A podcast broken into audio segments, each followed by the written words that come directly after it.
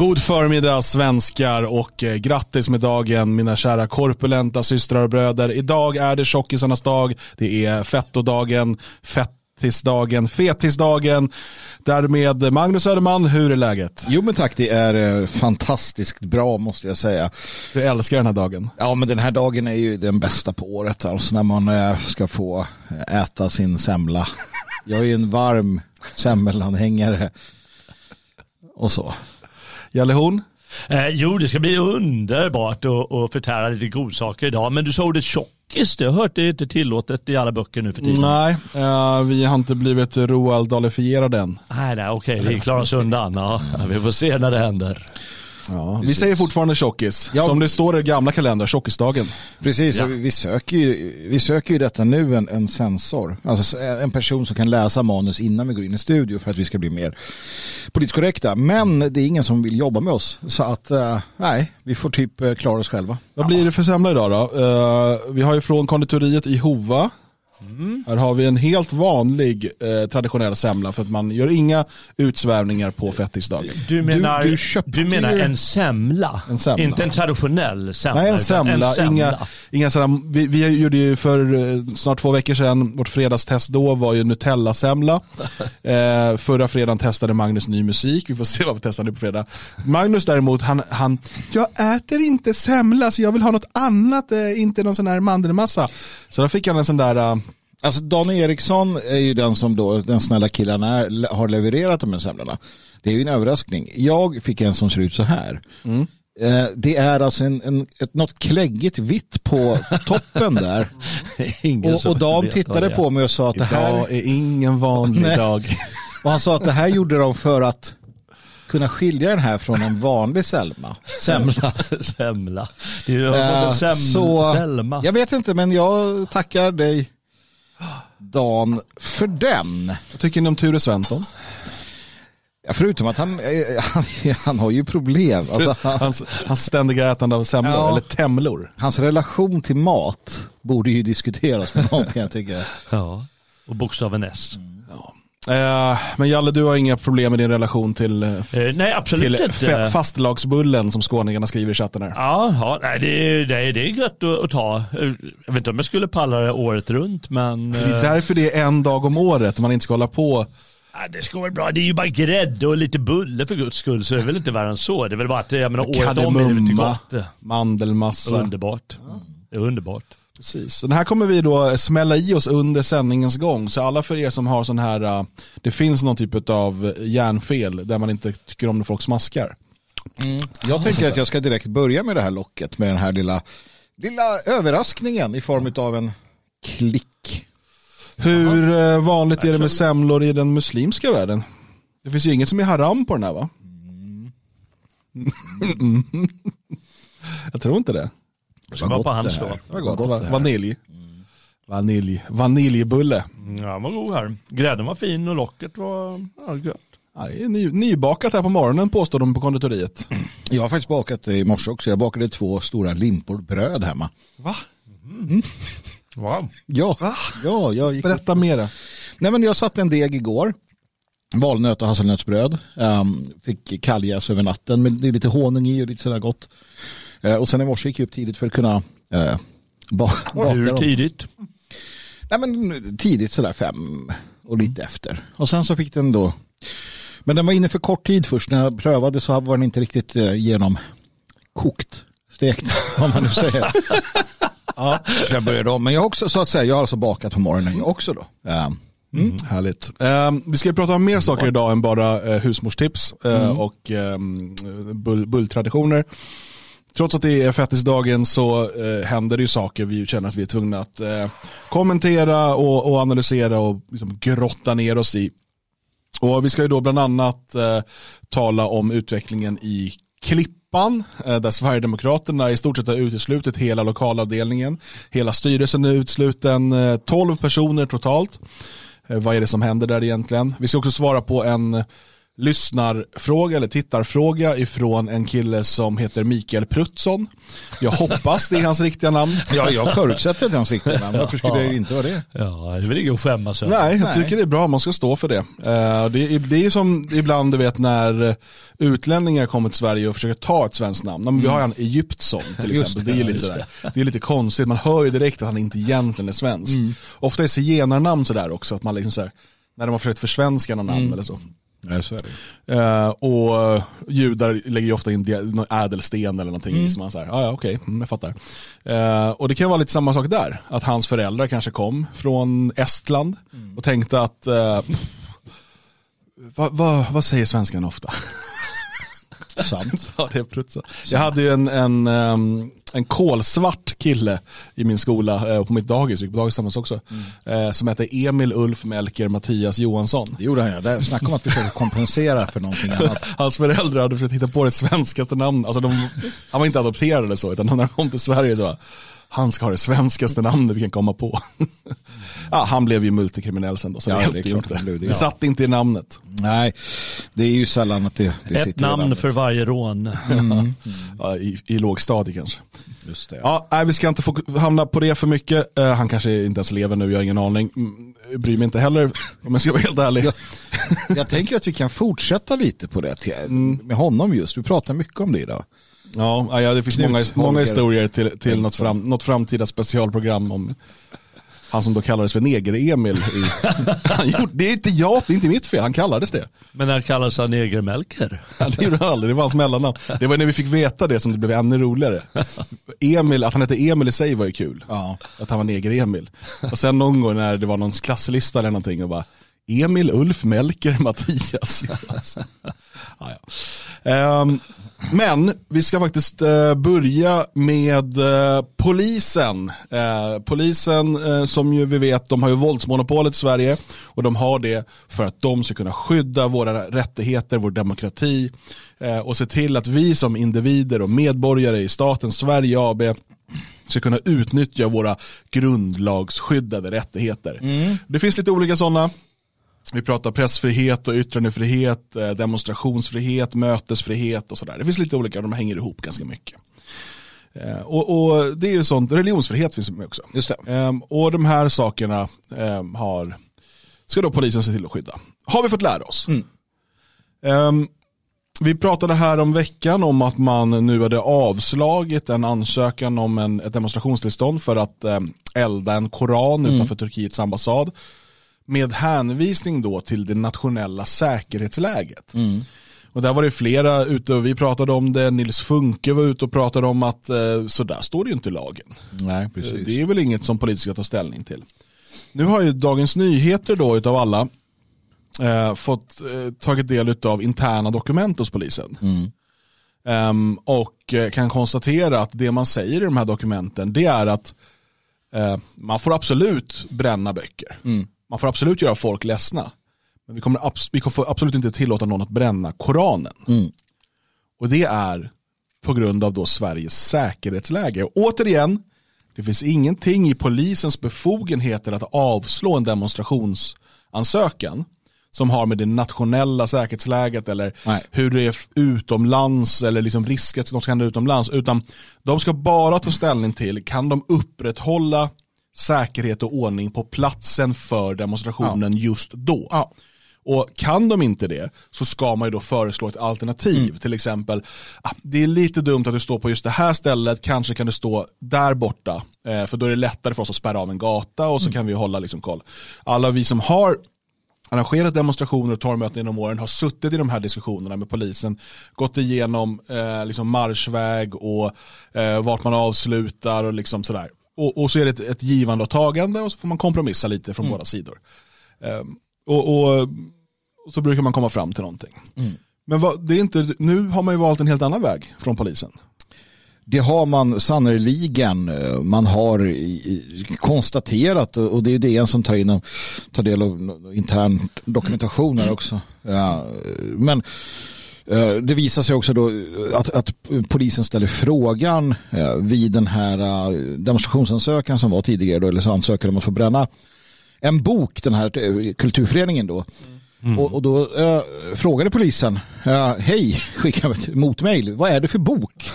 äh, som att det spelar någon roll, vilket jag inte ser att polisen egentligen har någon anledning. Visst, de kan fråga det av vissa skäl, kan jag i och för sig förstå. Va? Men i alla fall när det då framkom att det var Koranen så fick man avslag och det är ju för att polisen då har kommit fram till att man kommer då inte tillåta eh, bränningar av, av Koranen eh, i Stockholmsregionen. Och det är bara så. Och det finns ju inget rim och reson i detta överhuvudtaget. Eh, det, det, det kommer att, att slås ner utav um, rätten i, mm. vid överklagan. Det kommer bli så. Det säger polisen själv. Jag tittade på han yttre befäl Södermalm Eh, Viktor Adolfsson som skriver det att det här kommer rätten så att säga eh, ge polisen på tasken för. Men man gör det i alla fall. Och jag måste säga att jag är besviken. Eh, jag är besviken på um, Ola Österling. Polis uh, Ola Österling. Uh, som vi också haft att göra som med. vi haft att göra med. Jag har alltid respekterat den mannen. Jag har tyckt bra om Ola Österling. Han var alltså dialogpolis. Den första egentligen. Han, det var han som förde in dialogpolisen i Sverige på sätt och vis kom från tunnelbanepolisen ursprungligen. Och en, en, en rak och hård eh, kar. Mm. Numera är han då presstalesman. Och han har nu jamsat med med detta och varit en sån här lydig jävla lakej eh, Eh, på ett sätt som jag fan inte trodde. Jag är besviken på dig Ola om du hör det här. Jag tycker det är för jävla nesligt ehm, att han bara apar med och alla andra snutar som bara apar med i detta. Eh, det är skrämmande för att det man gör är att man relativiserar svensk yttrandefrihet, svensk grundlagsstadgade liksom, friheter för att för tillfället göra Turkiet och, och muslimerna lite glada mm. för att gå med i NATO. Det, det är förjävligt, Jalle. Förjävligt. Ja, det är ju förjävligt. de försöker ju skriva här att eh, beslutet har fattats, fattats i dialog med Säkerhetspolisen i syfte att i en extraordinär situation reducera attentatshotet. Jag har inte sett någon extraordinär situation. Jag åkte på tunnelbana i Stockholm häromdagen fram och tillbaka tillbaka, upp och ner och gick genom stan och massa olika grejer. Det var inga extraordinära situationer. Det, jag menar, då skulle ju vara ett, ett direkt hot.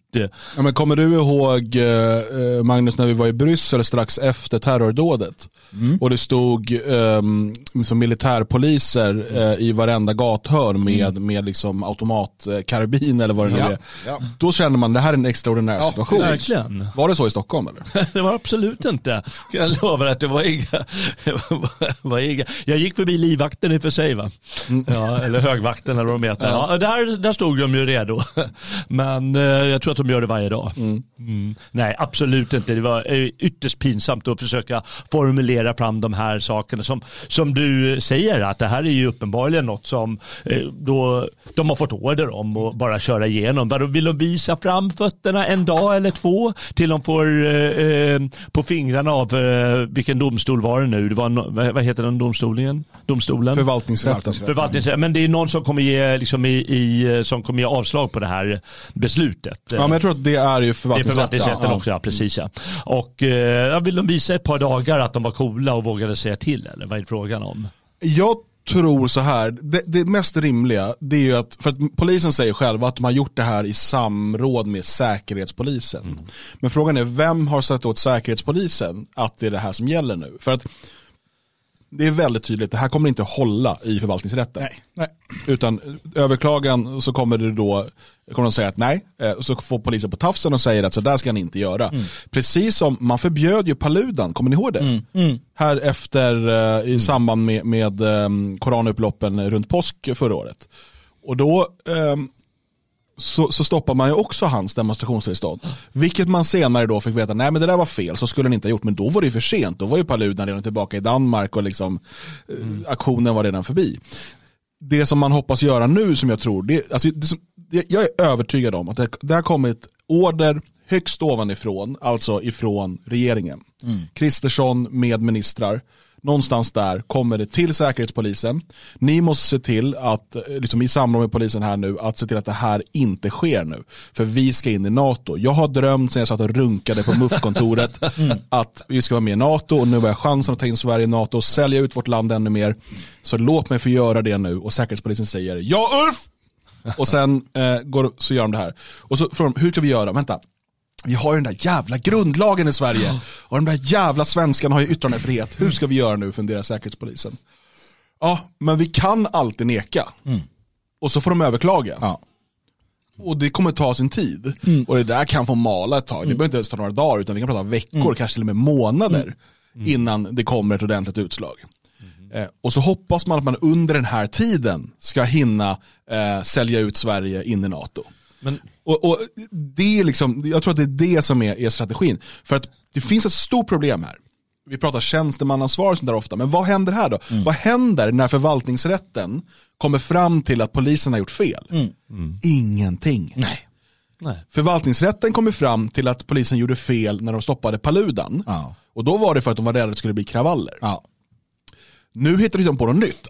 Nu kan någon svensk som är i Turkiet råka illa ut. Det finns inget stöd i lagen. Polisen kan göra det här ändå. Det finns inga konsekvenser. Det som bör hända i det här fallet då, om förvaltningsrätten kommer fram till att ni har här hindrat svenska medborgare att utnyttja sin grundlagsskyddade yttrandefrihet. Ni har gjort det uppenbart i liksom strid med lagen, för det här är så himla tydligt. Ni ska alla avgå nu. Nu! Inte en enda jävel av er som har varit inblandad i det här beslutet ska ha ett arbete att gå till dagen efter. Det är den enda rimliga konsekvensen. För då tar man inte den här typen av idiotiska beslut. Men nu har man ju byggt in i systemet att man kan skita i grundlagen och, liksom, och, och, och få det här, lägga det här i någon byråkratisk malpåse. Och, och så finns det inga konsekvenser. Sen bara, okay, och, så, sen, och det som kommer hända sen också, när förvaltningsrätten kommer fram till att det här var fel, beroende på lite när det sker och så vidare, det är att det kommer inte vara några större protester. Det kommer inte vara någon krav på ledarsidan att någon ska avgå. De flesta har glömt det där och så gått vidare och nu är vi med i NATO. Okej. Ja, ja nej men vadå, det är ju, de har ju matat befolkningen. Jag vet inte, när jag var i Stockholm då lyssnade jag på olika röster som jag inte träffar eh, var och varannan dag. Och de sa ju NATO, NATO, NATO. Bränn Paludan. Man får aldrig bränna en koran. Vad är det för sätt? Det är ju respektlöst. Och så, de struntade i allt de tyckte för några månader sedan. Men det är morgonsofforna. Mm. Ja, och morgonsofforna, ja precis ja. De har, de har bara matats med det här dag ut och dag in så de tycker att det är jättebra. De säger säkerhetspolisen, ja. Mm. Ja, men det är skrämmande med, med eh, det här principiella, alltså att, att det inte finns någon princip. Jag, jag kommer att tänka på det nu, en av mina favoritpolitiker är ju ändå Torbjörn Fälldin. 1976 så sa han i riksdagen i en debatt eh, ordagrant, ingen statsrådspost kan vara så åtråvärd att jag vore beredd att dagtinga med min övertygelse. Alltså, eh, jag har principer och övertygelser. Jag kommer inte ändra mig bara för att få ditten eller datten.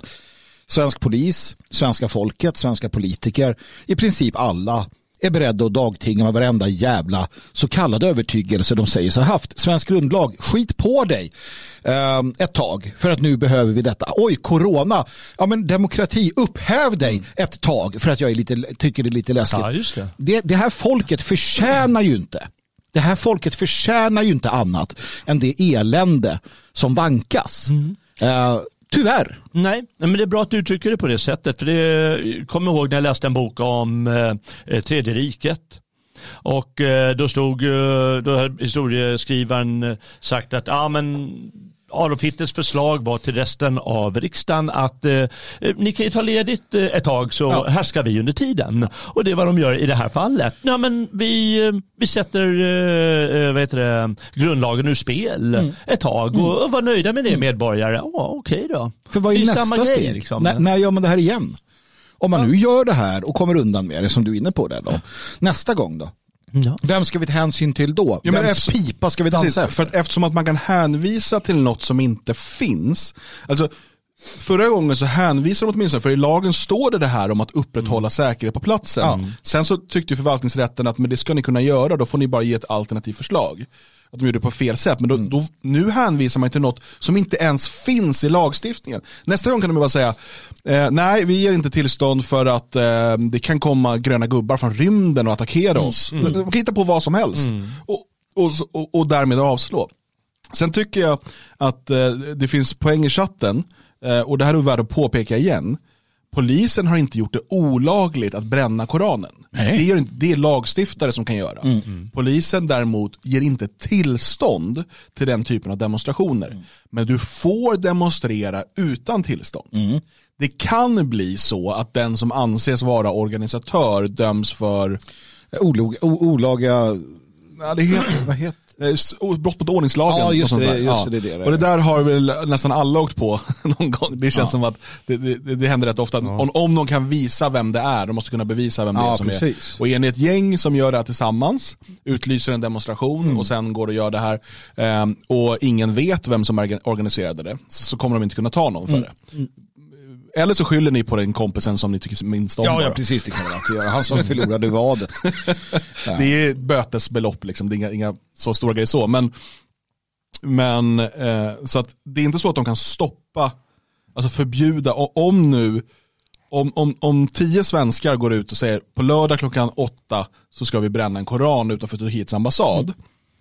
Eh, då kan man fortfarande göra det. Sen kan polisen på plats upp, kräva att, att demonstrationen upplöses. Precis. Eh, och om ni då inte gör det så kan de börja frihetsberöva. Ja, ja.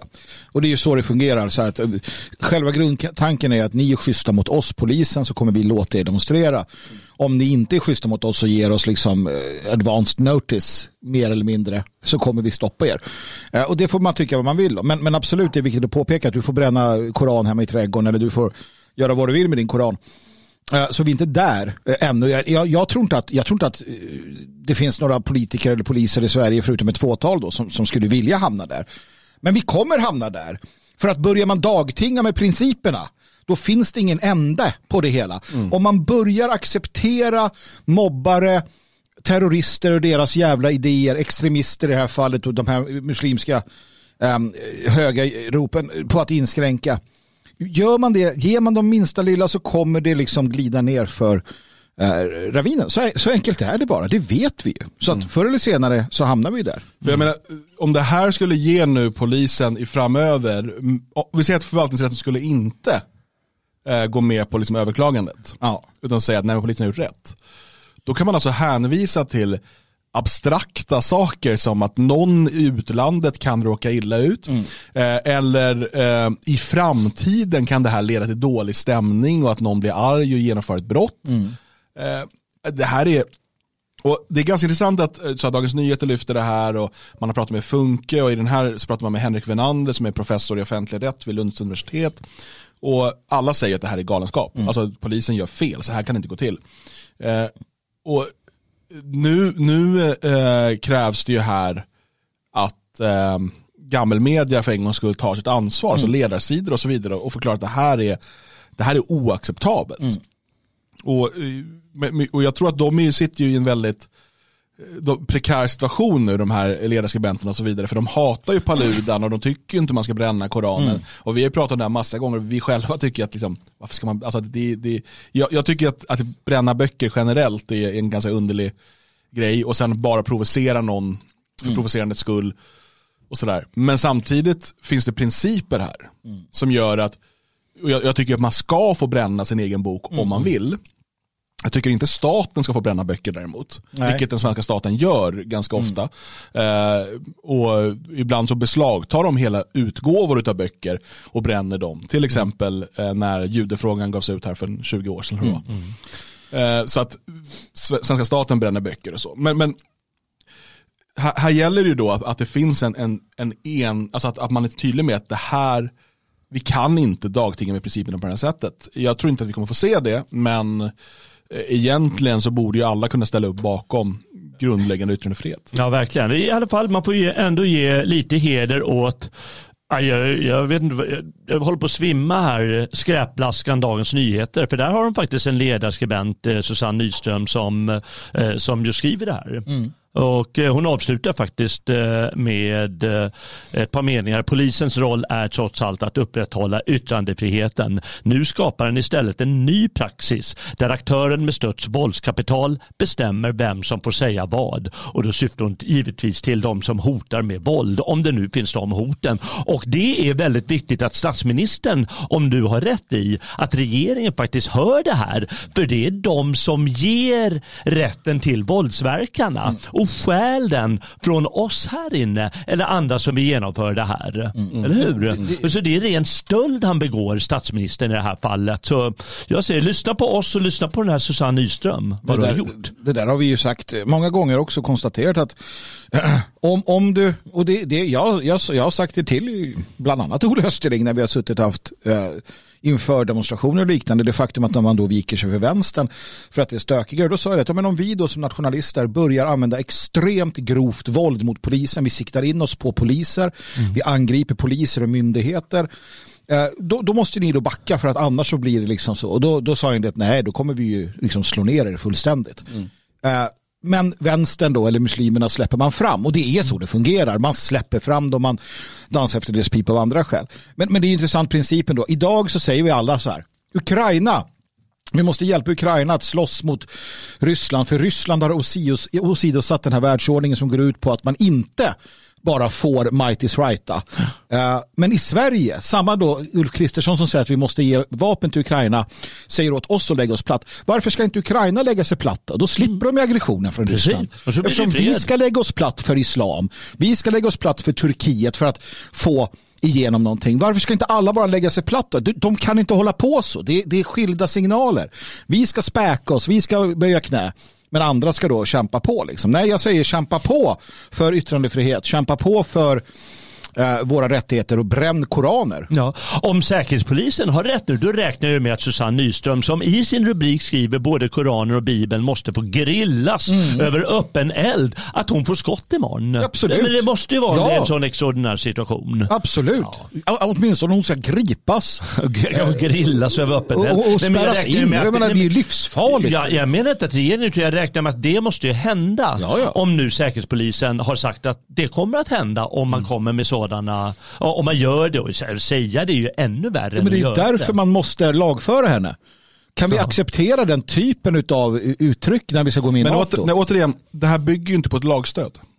Så du kan inte lagföra henne. Just fan. Det här är inte, det. Nej, och det, det är återigen, det är inte olagligt att bränna Koranen, polisen kan inte nej, bestämma det. Nej, Utan det de gör är att de inte ger demonstrationstillstånd. Eh, med hänvisning till något som inte finns i lagen. Det, och det är det som är den stora skandalen. Mm. Det är en sak om det är en bedömningsfråga. Alltså man säger, men nu tycker jag att ni gjorde en felaktig bedömning. Men ni har åtminstone hänvisat till något som finns i lagen. ja. Men nu har de ju alltså in, de har hänvisat till något som inte finns i lagen. Mm. Ja. Och det, alltså, då, då börjar vi komma in på en, en, en stat för återigen, det här, kom ihåg, det här är order som kommer uppifrån. Ja, ja, ja. Det är ingenting som bara polisen fått för sig själva. Utan det här, det här är order eh, ifrån, ifrån regeringen. Då har vi en stat som väljer att helt eh, liksom förbi, eh, liksom runda hela, hur hela systemet är uppbyggt. Alltså att vi har en lagstiftande församling, vi har riksdag och regering, eh, det är riksdagen som fattar lagarna. Eh, och om vi inte har fattat en lag och den inte har röstats igenom i riksdagen på ett demokratiskt vis så har vi inte den lagen. Nej. Men istället har vi nu en, det här är en totalitär makt som väljer att, att då inofficiellt stifta egna lagar och runda riksdagen. Alltså runda det, det, som då ska vara folkets eh, mm. Eh, representation eh, i lagstiftningen. Mm och istället då för att det passar deras egen kortsiktiga agenda. Mm. Och det återigen, det är inte bara fog då för att eh, de här poliserna ska få avgå på dagen, utan även för att hela den här regeringen bör upplösas. Mm. Mm. För att den här är farlig. Inte nog med att de ska sälja ut Sverige till NATO utan att vi har haft en folkomröstning, utan en ordentlig debatt. En debatt som bör hållas i fredstid dessutom. Inte liksom med, med brinnande krig om knuten för att det, det, är inte ett bra tillfälle att ta den här typen av beslut. Um, men utan dessutom um, en regering som då för jag menar, hade det varit så att man eh, tyckte att det här var fel från regeringens håll, då hade man ju tagit säkerhetspolisen och polisen i örat nu och sagt att ni ska se till att våra medborgare kan ha sina rättigheter skyddade. Det gör man inte, för det här kommer från regeringen och därför är den här regeringen den är folkfientlig, den är antidemokratisk, den är totalitär och den måste avgå omgående. Ja, men vad, vad händer nästa gång som sagt? Det är som du säger, man har öppnat upp för gröna gubbar från Mars eller någonting. Men jag menar, vi vet, alltså myndigheter är lata. Man, man vill göra minsta möjliga för mesta möjliga. Om polisen i framtiden får in en ansökan nazistpartiet vill demonstrera i i, i, i Stockholm och man vet okej okay, det krävs en jättekommendering. Fy fan, och cheferna sitter där och vi vet hur det här kommer sluta.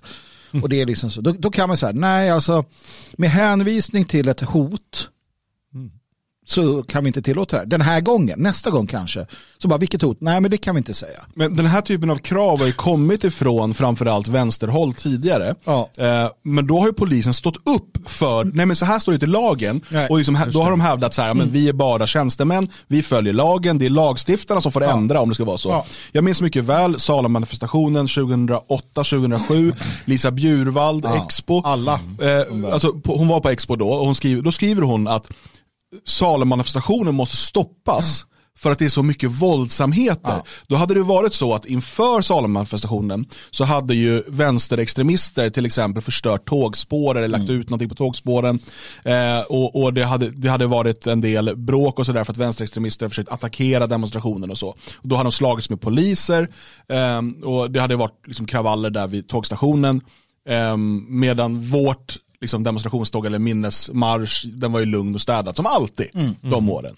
Då kommer Lisa Bjurveld från Expo och kräver att den ska stoppas med hänvisning till att vänstern bråkar. Och jag, jag tog upp det här i mitt tal i Salem det året. Och, och, men då, återigen, då var det ju bara en galen aktivistisk kärring på Expo som krävde detta. Polisen, de gjorde sitt jobb och sa nej. Man har demonstrationsfrihet, även om, om liksom 100, liksom 99% av befolkningen skulle bli ledsna och arga och sura, spelar ingen roll. Det, det är ju just för att skydda åsikter som inte alla håller med om som vi har yttrandefrihet. Annars är det meningslöst. Och så var man professionella och skötte sitt jobb. I de allra flesta fall. Det här är, det här är nytt, att man gör på det här sättet och hänvisar utanför lagstiftningen. Och, ja, det, det, är en, det är en enorm skandal under uppsegling. Men det tog också 20 år. För att som du sa, polisen var inte på vår sida men de stod på någon form av lag, lagens sida. Och när man satt i möte med dem som sa att Nej, men vi, men vi såg ju förskjutningen. Vi såg ju förskjutningen redan då i det att man, man anpassade sig sakteligen när, när vänstern blockerade gatorna, vänstern hotade med för mycket våld, då var det oss man gav sig på. För oss kunde man ge sig på. Det sa de öppet. Ja, Vi tar er för att vi kommer inte få lika mycket skit. Punkt. De erkände det, de vet precis vad de har gjort. Ehm, och de fortsätter och fortsätter och det där pågick och nu 20 år senare så bara nej men skit i allt. Ja. Bara liksom hänvisa till ett låtsashot så länge så får vi lugn och ro. Sen glömmer folk det och sen kan vi göra så här och det, det kommer, man kommer få smak för det. För att det blir enklare, så mycket enklare att vara polischef. Tänk Erik Nord när han var det i Göteborg. Tänk om de hade gjort så här då, han hade ju bara kunnat varje gång de där NMR som han hatar ska hålla det. Ja, men det finns ett hot. Vilket hot? Ja, Jag kan inte säga det, det är sekretess. Det finns ett hot. Säkerhetspolisen säger att det finns ett hot. Nej, det är Sveriges väl. Vi, så här, och alla bara, ja, okej. Ja. Ja, Men man kan också ta vad, så, vad kommer hända härnäst? Jag menar, alla, alla har vi hört om här hur det var för 30 eller 40 år sedan. Ja. men det är ju ingen fara, det finns ju bara några tusen praktiserande muslimer i Sverige. Ja. men det finns ju ja, men invandringen är ju så låg. Men det gör ju ingenting om det kommer några till. Och, och så står jag, får, bara säga, jag minns också debatten när någon moské skulle byggas, som det var Stockholm, där det var så här, jo men alltså det är ju bara en moské, det är ju inte så att de kommer att ha bönutrop där. alltså, det, för det var ju någon som sa det, då kommer vi få höra, bara, nej nej men det, de måste få en lokal att samlas i. Och nu bara, åk, åk till. Fittja, åk till så bara, kommer aldrig hända. aldrig hända. Och det kommer aldrig hända att man skulle åsidosätta grundlagen och yttrandefriheten i Sverige. Varför skulle man göra det? Är du galen? Nej. Nej. Och nu står vi där och nu frågar vi oss alla vad kommer hända imorgon? Ja, inte det du tror i alla fall. Det kommer aldrig hända. Nej, inte en chans. Det är en vi robust kunde inte demokrati. se att det här skulle bli så här. Det kunde väl kunde ingen veta det? Varför skulle jag engagerat mig och brytt mig? Nej. Herregud i himlen. Och det här utan att ens jag måste tänk när vi, vi pratar ju om det här med islam just. Den här gången det är inte så mycket islam utan det är typ Turkiet, maktspel, geopolitik. Ja. Tänk när de drar på ordentligt liksom. Nästa gång det blir en terrorvåg, en terrorsommar. Vi minns den för ett eh, tiotal år sedan. Kanske det var när, när det liksom höggs huvuden överallt. Då om någonsin kan man väl så stänga ner hemsidor. Så jag menar regeringen var inne och gjorde det. De stängde ner Sverigedemokraternas hemsida med hjälp av Säpo. För, för det är 15 år sedan eller någonting. Ja, precis. Det var i samband med Mohammed-karikatyrerna. Ja. Så Eh, viljan finns hela tiden. Så är det. Eh, låt oss gå vidare. Vi har mer att prata om idag, men vi får se om vi återkommer i det här ämnet. Det, det lär vi få göra på ett eller annat sätt. Men eh, nu ska vi bege oss eh, söderut, strax utanför Helsingborg. Ligger Klippan, men inte vilken klippa som helst. Utan Klippan, Klippan. Världens bästa Klippan. Ehm, och I Klippan så är ju Sverigedemokraterna största parti i kommunen. Eh, och i senaste kommunvalet så var man det enda parti som gick framåt. Det betyder att de som då företräder Sverigedemokraterna i Klippan är jävligt omtyckta av klippaniterna. Klippanisterna. Klippanisterna. Klippanazisten eller vad sa du? Eh, och, eh, ja, det är en framgångssaga. Sverigedemokraterna i, Klippan är en framgångssaga. Ja. Eh, och så kan man ju inte ha det. Så att, eh, Säger SD själva. säger SD. Nej, precis. Så vi utesluter allihopa. Ja, bort med dem. Vad hände med ungdomsförbundet där när de, när de blev så himla stora och starka och, och populära och vann mycket framgång på nätet och sen dessutom blev populära så att deras kandidater vann ju i Stockholm och liksom, Ja. eh, ja, vad hände med dem då? Uteslut dem alla. Just det, man uteslöt hela så var det. ungdomsförbundet. Ja, man skapade ett nytt ungdomsförbund som var Som, som lojalt. inte dessutom har, kan välja sin egen ordförande. Nej, alltså det inte förbund, utan det är, det är en arbetsgrupp Ja, inom partiet. ja, ja. Som partiledningen kan tillsätta. Just det. Just det, ja. Och, Vi pratar om totalitära, Tendenser. eh, ja, och eh, vi kan ju se då att ehm, de fyras gäng, Sverigedemokraternas maktgäng och eh, Ulf Kristersson här, de är lite stöpta i samma form. alltså, jag vill också här poängtera att för, för en vidare samtalet är viktigt att förstå att Sverigedemokraterna har erkänt själva att de har ett ganska shady förflutet. Det är nazism och det är liksom sådana saker. Men de har förändrats. De har skrivit en vitbok. De har gått vidare. Det betyder att man får förändras om man är Sverigedemokraterna. Om man är Sverigedemokrat och har gjort något så för 10 år sedan eller 20 år sedan då får man inte förändras för då ska man ut. Jag tänker Rebecca Ädel i Stockholm. Hon fick inte någon vitbok. Utan hon fick liksom, vad är det som händer här? Det här ska vi ta, oss, ta med oss också. För det verkar gälla en lag för partiet och en helt annan lag för partiets medlemmar och företrädare. Eh, så vad, vad är det som har hänt i... eh, Det som har, det som har hänt i, i Klippan är ju att man, alltså först kom man på att det fanns ehm, eh, nazister i partiet. Eh, att att eh, företrädare hade ett förflutet. För 20 just år sedan, På 90-talet hade de varit med i ett parti som, som då var konkurrenter till Sverigedemokraterna. ja de var ungefär lika stora. Liksom, ja, på 90-talet. Ja. Sen hade de här människorna gått vidare, de är etablerade i Klippan, de, de är omtyckta, de är företagare, de är helt vanligt folk helt enkelt. Då. Med en bakgrund som så många i svensk, eh, på, som så många i Sverige har. Som jag har pratat om tidigare, förr i världen, 90-talet, 2000-talet, det, var, det fanns så kallat då nazister. Det fanns överallt, i varenda by. Hundratals, tusentals, tiotusentals i hela Sverige. Eh, så det, det var ingenting nytt. Då. Men de här människorna blev då några av dem blev uteslutna och det var lite uh, trassel och bråk. Och så valde då resten av partiet eh, i Klippan att inte ta avstånd från de här människorna utan de fortsatte att samarbeta med dem och så vidare. Så det har varit en pågående konflikt då, som nu har kulminerat i att man Ja, de har- ut alla. SD, de har ju valt att vara relativt eh, neutrala och därmed också kunna liksom, välja in dem så de har fått poster i några nämnder och Ja, sådär. precis. Eh, För de är ändå valda av Ja. liksom, folket i Klippan att sitta där. Ja. Och då tänker väl resten av Sverigedemokraterna där att eh, vi är vuxna professionella människor och Precis. vi ska jobba ihop i fyra år nu. Vi vill klippa Vi oss kan, ju, vi kan ju hålla på och mobba varandra och sådär. Vi kan göra som eh, Centerpartisterna och Vänsterpartisterna gör. Vi pratar inte med varandra, vi mobbar ut varandra. Så kan vi göra. Eller så gör vi som man eh, säger, alltså när partiledningen i Stockholm kräver att andra partier ska respektera dem för att de har förändrats så kräver de att vi ska respektera dem för att de har förändrats. Men det tycker inte partiledningen i Stockholm för de har inte rätt att förändras. Och så är det Expo som håller i taktpinnen. Glöm icke detta. Återigen då så väljer Sverigedemokraterna att dansa efter Expos pipa. Är Sverigedemokraterna Expos parti? Vi ska komma ihåg att Mattias Karlsson, eh, som tog ju då själv kontakt med Expo, det här är ju några år sedan nu, Ja. för att få smuts på sina partikamrater Ja. på då ungdomsförbundet Ja. för att kunna utesluta dem. Eh, så det finns ju ett, ett etablerat samarbete, eller åtminstone har funnits mellan delar ur SD-ledningen och Expo. Ja. För att man kan, har väl där kanske ett gemensamt intresse då. Jag glömmer ofta bort hur jävla vedervärdiga Sverigedemokraterna är. Alltså partiledningen och deras funktion. Det är ju riktiga jävla svin alltså. Jag glömmer, jag glömmer ofta bort hur de behandlar sina egna. Det är fruktansvärt. Eh, Och som sagt, de kräver, de kräver att vi gör en vitbok. Ni ska förstå att vi har förändrats. Ja, Jimmy Åkesson gick inte med i det partiet. Vi har ändrat det. Och så sitter folk i klippan och bara, ja men visst, jag var, jag var med i NSF för 30 år sedan, men jag är inte nazist. Ut, ut, skam, skam. Jimmy Åkesson, ditt jävla kräk. Alltså fy fan vilka svin ni är. Usch, usch, skam. Vi ska driva dem genom Stockholms gator, nakna, piska dem. Jimmy Åkessons enda lykt ska bli röd som Rudolfs mule. Det här är ju Skam, varför man inte ska skam, ge Magnus grädde skam, på morgonen. Skam. Då kommer sockerchocken där. Ja, men det är ju hemskt. Det är ju hemskt. ja, nej, men det är ju Gör en sån här centip- human centipede av de här fyras gäng. Mm. Kan de kräla runt i klakerna. Det är vad de förtjänar. Ju- Skam, skam, skam. Åt att få jobb. Hur uttrycker Det är klart?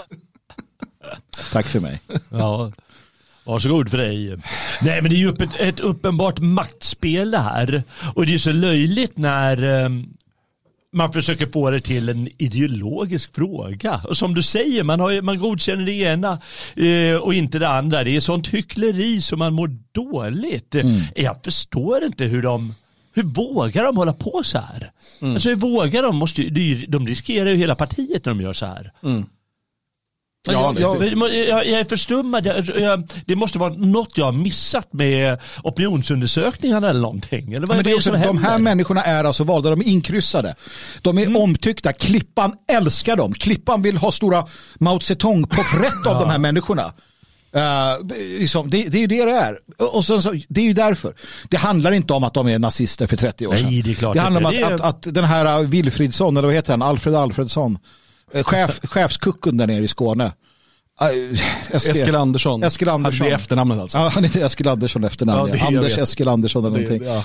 Han, han blir ju av med, det är någon form av maktstrid, han blir av med människor han är rädd för eller han har något emot eller vad det nu kan tänkas vara. Och använder då nazistkortet och det är så jävla dåligt, det är så unket va.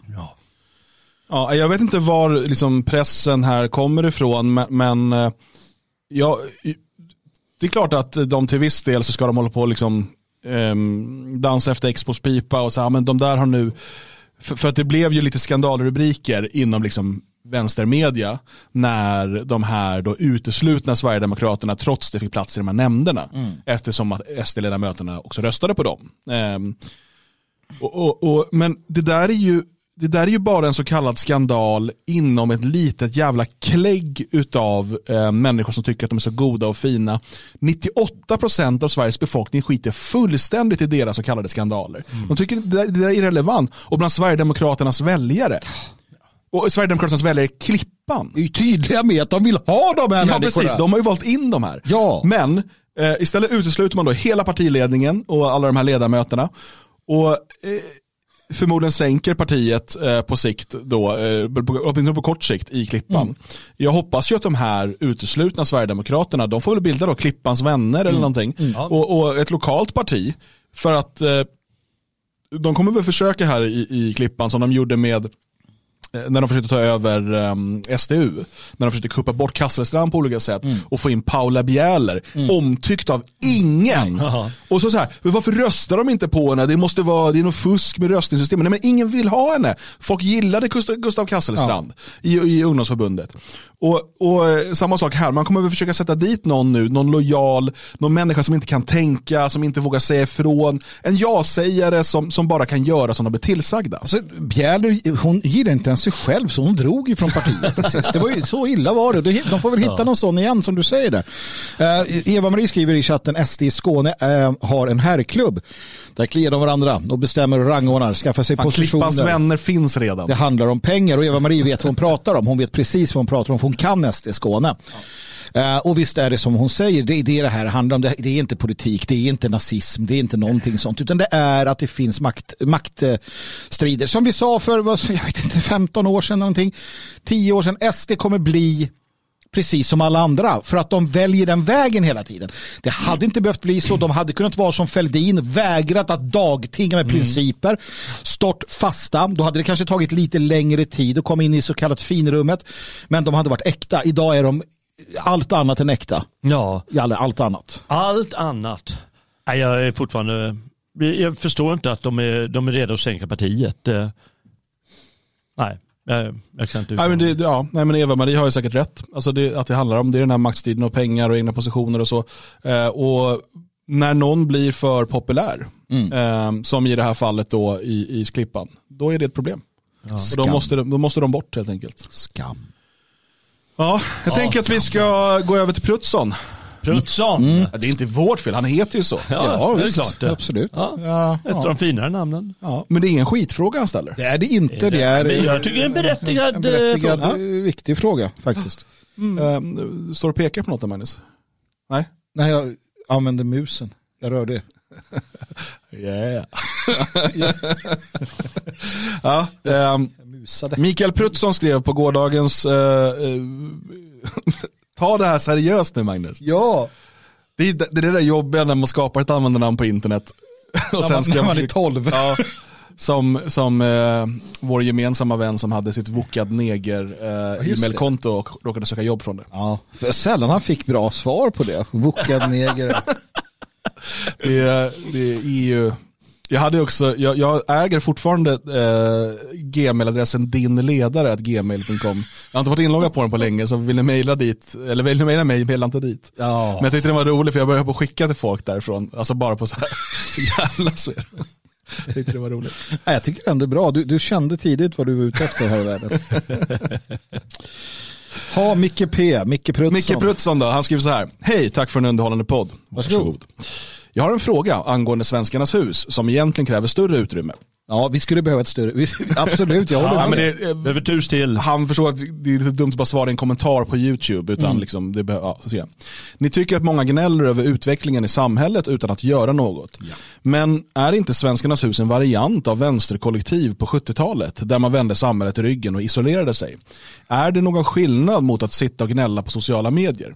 Är det en framtidsvision att svenskar bygger upp minisamhällen, byar för att fly mångkulturen? Det är flera frågor här men Ja, de hänger ja. ihop lite grann.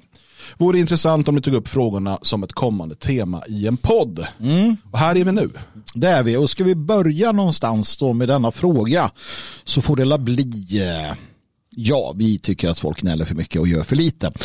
Eh, Svenskarnas hus är ju naturligtvis inte ett vänsterkollektiv av 70-talssnitt. Um, framförallt för att ett, vi bor inte tillsammans i huset. Nej. Vi ägnar oss heller inte åt gruppsex. Eller haschrökning. inte när du är inte i- i huset. inte när jag är i huset ska jag tilläggas. Eh, därtill så vänder vi icke samhället ryggen utan vi blir samhället. Vi är samhället. Vi är en del av samhället och samhället är en del av oss. Vi engagerar oss i samhället. Vi som bor här tar del i samhällsarbetet. Vi tar del i de um, föreningar eller de, de initiativ som finns och vi kommer med egna initiativ för att göra vår lokala by bättre. Vi är vansinnigt aktiva i det lokala bylivet på olika sätt och vis. Så att nej, vi vänder definitivt inte samhället, lokalsamhället ryggen.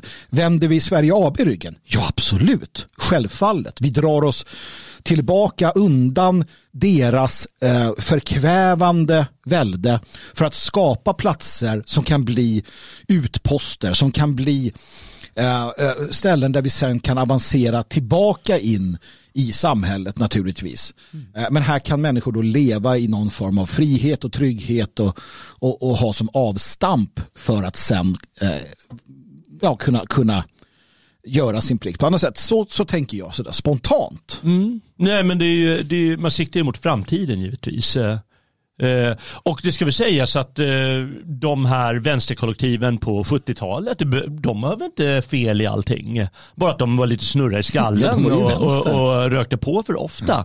Eh, jag menar de hade ju gruppsex och sånt. eh, men Men sen, okej. ja, men, nej, men, ja, ja, Nej, vad, vad jag vill säga är att de, alltså givetvis, de såg ju någonting de tyckte var ruttet i sitt samhälle. Och det gör ju vi också. Ja, och de då måste man ju söka andra vägar. Besitter väl ganska mycket makt idag också.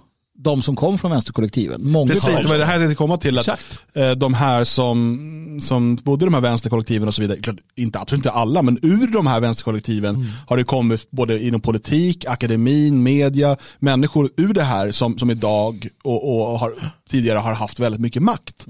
Mm. Eh, så det är inte så att det bara liksom var ett gäng haschrökande hippies som sen dog ut.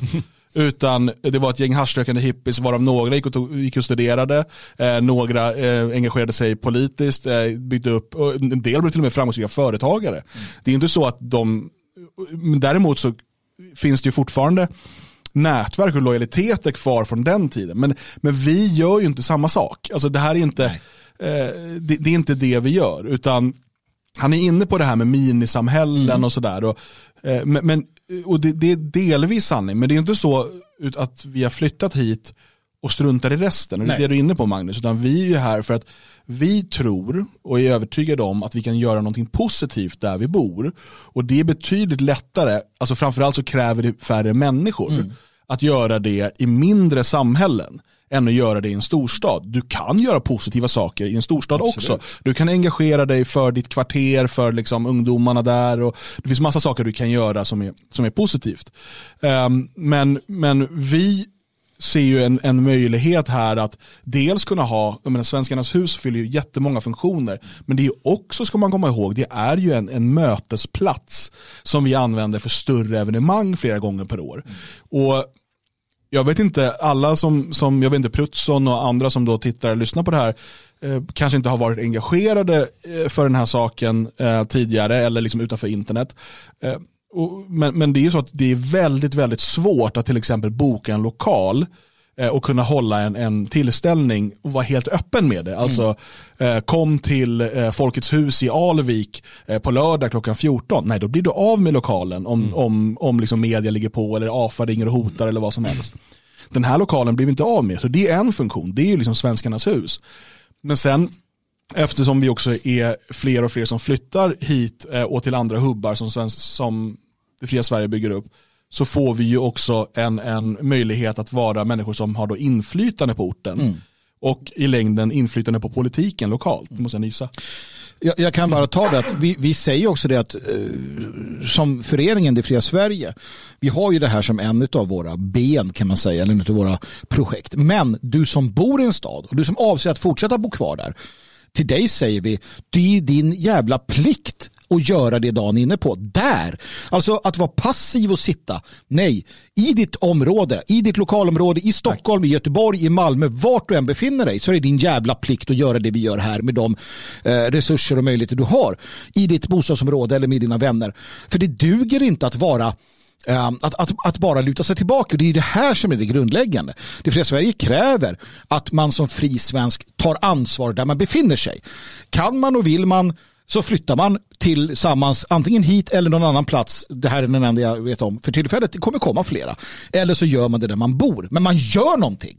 Och det är ju det. Man gör inte någonting eh, i form av att, att vi tror att vi ska Eh, som förening då vinna politisk makt i, i, på riksplanet. Vi, vi ägnar oss inte åt demonstrationer eller sådana saker. Utan man gör något genom att bygga lokala små enheter där man känner sig trygg, där man har bra människor kring sig och, och skapar den robusta framtiden. Sen kan du rösta eller vara aktiv i partier eller vad du vill. Men som förening, absolut, så, så, så, så bygger du underifrån och långsiktigt. Du ägnar dig åt, eh, åt, åt liksom asymmetrisk organisering. Mm. Mm. Precis, och det där är också en sån sak som vi var har varit tydliga med från början. Uh, vi kanske inte återkommer till det lika ofta för att vi pratar mycket om det i början. Ja. Och det är ju att vi har absolut inga problem med, tvärtom, att människor som, som är medlemmar i det fria Sverige, som väljer att flytta hit eller till andra av våra hubbar, att de också mm. är engagerade i ett parti eller liksom sådana här saker. Det ena utesluter inte det andra vi, tycker, alltså vi lägger allt vårt fokus på det här såklart, ja. för att det här är liksom vårt, vårt livsprojekt på många sätt och vi tycker att det här är absolut viktigast. Ja. Men om man själv känner att jag vill ju in i politiken, jag vill in i kommunfullmäktige eller riksdagen eller vad det nu är du tror att du kan göra skillnad, eh, så ska du ju också engagera dig i ditt parti. Eh, men som sagt, det ena utesluter inte det andra. Eller om du brinner också för andra frågor, djurrättsfrågor, så kanske det finns en förening att vara med för det också, eller i fotbollsförening ja, eller vad det är. Ja, eh, absolut. Och, och, och jag jag tror inte på att, att liksom sluta sig och stänga ute samhället. Nej, nej. Mm. Utan vi vill ju vara och förändra samhället till, till någonting bättre. Och var, var vill man göra det? Jo, självklart i första hand där man själv bor mm. och där ens barn växer upp för att det ska bli så bra som möjligt där. Och ju fler man är, desto starkare är man. Mm. Kom ihåg, eh, om ni inte har gjort det, kolla på programmet när vi pratade om Robert Hanna här i, i förra veckan tror jag det var. Mm. Um, och, och, hans föreläsning för assyrierna. Och han säger det, alltså styrkan i antal, mm. det är det viktigaste, det är nummer ett säger han. Se till att, ni, att vara tydliga med att ni är många. Och hur blir man många? De blev det genom att flytta till Södertälje eh, och liksom samlas där och, och, och bygga en lokal maktbas. Och vi kan vara många genom att, man måste, så här, och det här kan vara svårt för en del att svälja, men, men, men man måste också inse att den, den nationella, inte rörelsen, men liksom människorna som är beredda att engagera sig nationellt, mm. det är ett begränsat antal. Mm. Det, det, är inte, det är inte 500 000 som står liksom och knackar på dörren och är beredda att börja engagera sig. Vi har inte hundratusentals som, som assyrierna har. Mm. Vi har, om jag ska vara ärlig, i bästa fall i dagsläget, utav de som är beredda att verkligen engagera sig, kanske 500. Mm. Mm. Det kommer bli fler. Ja, ja. Det blir fler. Det är inte det. Men och om de här, om 10% av de här 500, 50 personer, väljer att bosätta sig, gärna med sina familjer om de har sådana och sådär också, i ett område, i en mindre kommun och i en, i en bygd med några hundra invånare, så har du ett helt annat inflytande och en möjlighet att forma det samhället så som vi önskar leva och som vi önskar att våra barn växer upp, än vad du har om du, om du bosätter dig, jag fick ett, var någon som skrev kommentarer tidigare, varför gör vi det inte i Malmö? Ja, för att 50 personer i Malmö är något helt annat än 50 personer i Elgarås och Töreboda. Absolut, men hitta gärna en liten by utanför Malmö då i närheten om man är skåning där ni kan hitta billiga hus och ha den här autonomiteten och möjligheten att försvara ett område och, och göra avtryck. Och gör det. Och vill du göra det i Malmö, ja men gör det i Malmö. Alltså jag tror inte att det kommer gå, men kör. Det är ju det här. Gnäll inte på och bråka då mot dem som gör det någon annanstans. Alltså, känner ni att, att ni vill göra det i Stockholm, Göteborg, Malmö, ta det ansvaret och bygga upp detta nätverk i staden. Jag vet att många människor gillar städer, man gillar att bo så. Man, man befinner sig i ett skede i livet där det är bra till och med. Ja, men fortsätt med det, men ha den här planen, ha den här idén. Eh, och förstå att ensam är inte stark, ensam är bara ensam. Och, och det är någonting som är tydligt. Jag bodde i Stockholm under lång, lång tid och var nationellt engagerad. Bekymret var ju att vi hade många, vi hade 50-100 man, men alla var utspridda över hela Stockholm. Och det var liksom den där närheten som du får här på landsbygden, den kommer inte när man liksom stöter på varandra. Alltså, det gör inte det bara. Men absolut, ta ansvar och kör på. Mm. Det finns ju en sak till och det är att vi faktiskt, eh, för, för att återgå till uh, Mikael Pruttssons uh, eh, frågor här, och det är ju att vi, vi bedriver verksamhet här. Ja. Eh, till skillnad från de som vill leva i de här, ville leva i de här kollektiven på 70-talet. Eller säg som vi höll program om eh, nyligen, de här som vill åka ut på landet eh, mm. och bo och ha en liten farm eller ja, där de är självförsörjande mer eller mindre. Vare sig de är höger, vänster eller, eller tredje eller fjärde. Mm. Det är ju livsstilsprojekt. Mm. Men vi håller inte på med rena livsstilsprojekt Nej. här. Det är väldigt stor skillnad. Att, det är klart att lite ingår ju att ja, man kan ju inte Eh, man kan inte tro att man kan leva hur som helst. Det kan man inte göra. Men det är inte ett rent livstidsprojekt utan det har ett syfte. Mm. Det är ju en verksamhet med, med diverse syften. Ja, verkligen. Intressant det säger för att här, du är välkommen hit som fri svensk om du vill eh, bli självförsörjande. Men om du vill handla mat på ICA är du också välkommen. Du är välkommen hit om du vill eh, gå i Svenska kyrkan och vara en del av den gemenskapen och förändra till det bättre. Eller om du vill bygga ett hedna-tempel ute på, på, på, på vägen. Eller ja, inte på vägen kanske, men någonstans. Alltså, vi, det är inte att du måste vara vegan och göra ditten och datten som alla de här rörelserna eh, mm. Jalle tar upp handlar om. Mm. Utan det här handlar om något helt annat och det är det som är viktigt att förstå. Här har vi högt i tak och långt i dörren och jävligt låga trösklar. Va? Eh, och för att svara på frågan som ställs upprepade gånger. Är vi, kan vi tänka oss att hyra ut då. Eller låna ut Svenskarnas hus till eh, andra eh, föreningar. Ja, det kan vi. Absolut. Andra eh, föreningar får hyra Svenskarnas hus um, och anordna konferenser och så vidare. Vi har ju också haft eh, eh, andra konferenser. Det är några år sedan nu för det var corona så allt har varit mm. lite konstigt. Eh, men men det har ju andra som anordnar konferenser här och det var en person som ville komma och hålla tal. Han, ville, mm. så, han hade någon turné. Så jag sa, mm. ja, okay. Mm. vi, vi sympatiserar absolut inte med honom egentligen, nej, men nej. det är så här, okay, ja, du får använda scenen. Mm. Eh, och sådär. Eh, och medlemmar får ju dessutom om de vill, eh, boka lokalen. De behöver inte ens hyra den. Nej, nej. boka den för en företagsfest, ett bröllop, ett dop. Det ska leva, det ska användas. Eh, så att eh, huset fyller ju en funktion på, på väldigt många sätt. så. Alltså, Vikingen skriver, jag gillar städer. Okej, bra. Ja. Det du måste göra i din stad, Vikingen. Jag gillar småstäder. Ja, ja men det är skit. Men du befinner dig i en stad, du, du bor där, du lever där och du avser att göra det. Bra, men det, det är ju fortfarande så, det här, det här tror jag Vikingen har koll på. Eh, I den kontexten du befinner dig så måste du fortsatt skaffa de här sociala nätverken. Du måste bygga det fria Sverige som en idé, som en, som en rörelse, som en liksom känsla med dina vänner. Du måste ha detta för att det är det som behövs, eh, också i städerna naturligtvis i framtiden. Nästa gång det slår till med någon coronarestriktion eller vad det är. Vem har du som tar rygg på dig? Den frågan måste ställas och svaras på.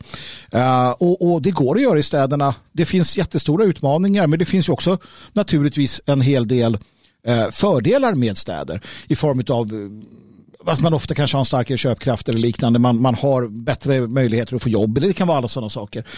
Så att absolut, alltså, det är ju det, det fria Sverige är inte enkom för eh, landsortsbor som vill bo i Elgarås. Det, det är fel att tro. Svenskarnas husprojektet är här för tillfället. Vi vill ha det på fler ställen. Eh, och vi vill att våra medlemmar ja, aktiverar sig, tar eget ansvar, lägger en massa börda på sina egna axlar, bär den bördan för en bättre framtid. Så, käre Prutsson, eh, eh, nej, vi skiljer oss väldigt mycket, eh, tycker vi i alla fall, från de som bara då eh, klagar på internet. Internet. internet. Har ni ätit upp era semlor?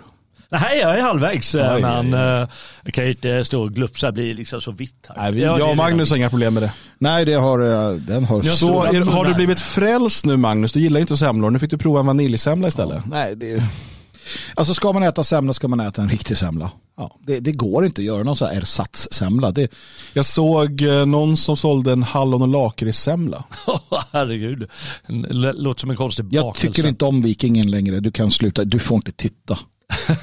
Jag gillar inte dig. Han skriver alltså i chatten då, jag vill ha stora jävla cyberpunkstäder. Skåne ska bli en enda stor metropol. Du är en punk, vikingen. You're a punk. Ja. Hörrni, imorgon klockan 10 då står vi här igen. Redo att eh, sända direkt eh, på eh, diverse olika kanaler. Eh, och du kan ju såklart prenumerera på YouTube och Odyssey eh, och D-Live, för det är där vi sänder med video. Eller på Spreaker, där sänder vi live med ljud. Och sen så kan du ju lyssna och eh, titta på programmen i efterhand på svegot.se. De allra flesta avsnitten då måste du vara stödprenumerant eh, för att kunna ta del av allt i efterhand. Och det blir du på svegot.se support. Är du inte redan medlem i Det fria Sverige så blir det på detfriasverige.se och se dessutom till att engagera dig. Det är bara en dryg vecka kvar nu till årsmötet. Då ska allt avgöras. Ja, får vi I se. alla fall eh, budget och verksamhetsplan och sånt. Det ska avgöras då, för det gör man på årsmötet. Striden står. Striden Framtiden. Just det. Eh, och eh, jag har ju också då gjort så att eh, alla mejl som kommer in med motkandidater till ordförandeposten går ju direkt till papperskorgen. Därför. ja. Så att tyvärr det här året så blir det inga motkandidater. Nej, Ja, okej. Du, du har inspirerats av Sverigedemokraterna. vi har bara medkandidater. Men jag, gör, jag är smartare än Jimmy. För jag ser till att ingen kommer in från början. Clever guy. Stort eh, tack för er eh, uppmärksamhet idag och eh, jag hoppas att ni är med i, imorgon också. Så eh, tackar vi för oss, trycker på den här knappen, då kommer det musik som går i bakgrunden och jag låter som en professionell radiopratare som liksom pratar ut till att men det bygger upp crescendo här också. det måste man, Absolut, man måste känna känslan och då kan man säga viktiga saker eller så kan man bara prata allmänt strunt. Det spelar inte så stor roll för de flesta har redan stängt av och säger, tänker att det här orkar jag inte lyssna på. Eh, och en del har redan gått hem, andra har ju börjat liksom ladda upp med ännu fler eh, med, med ännu fler semlor. Kanske hetvägg, kanske varm mjölk runt semlan. Jag vet inte, men jag vet att vi är tillbaka imorgon. Eller det är med största sannolikhet, om inte någon blir sjuk eller så. Men vi ska försöka vårt bästa. Nu börjar det närma slutet. Ha det bäst, hej då.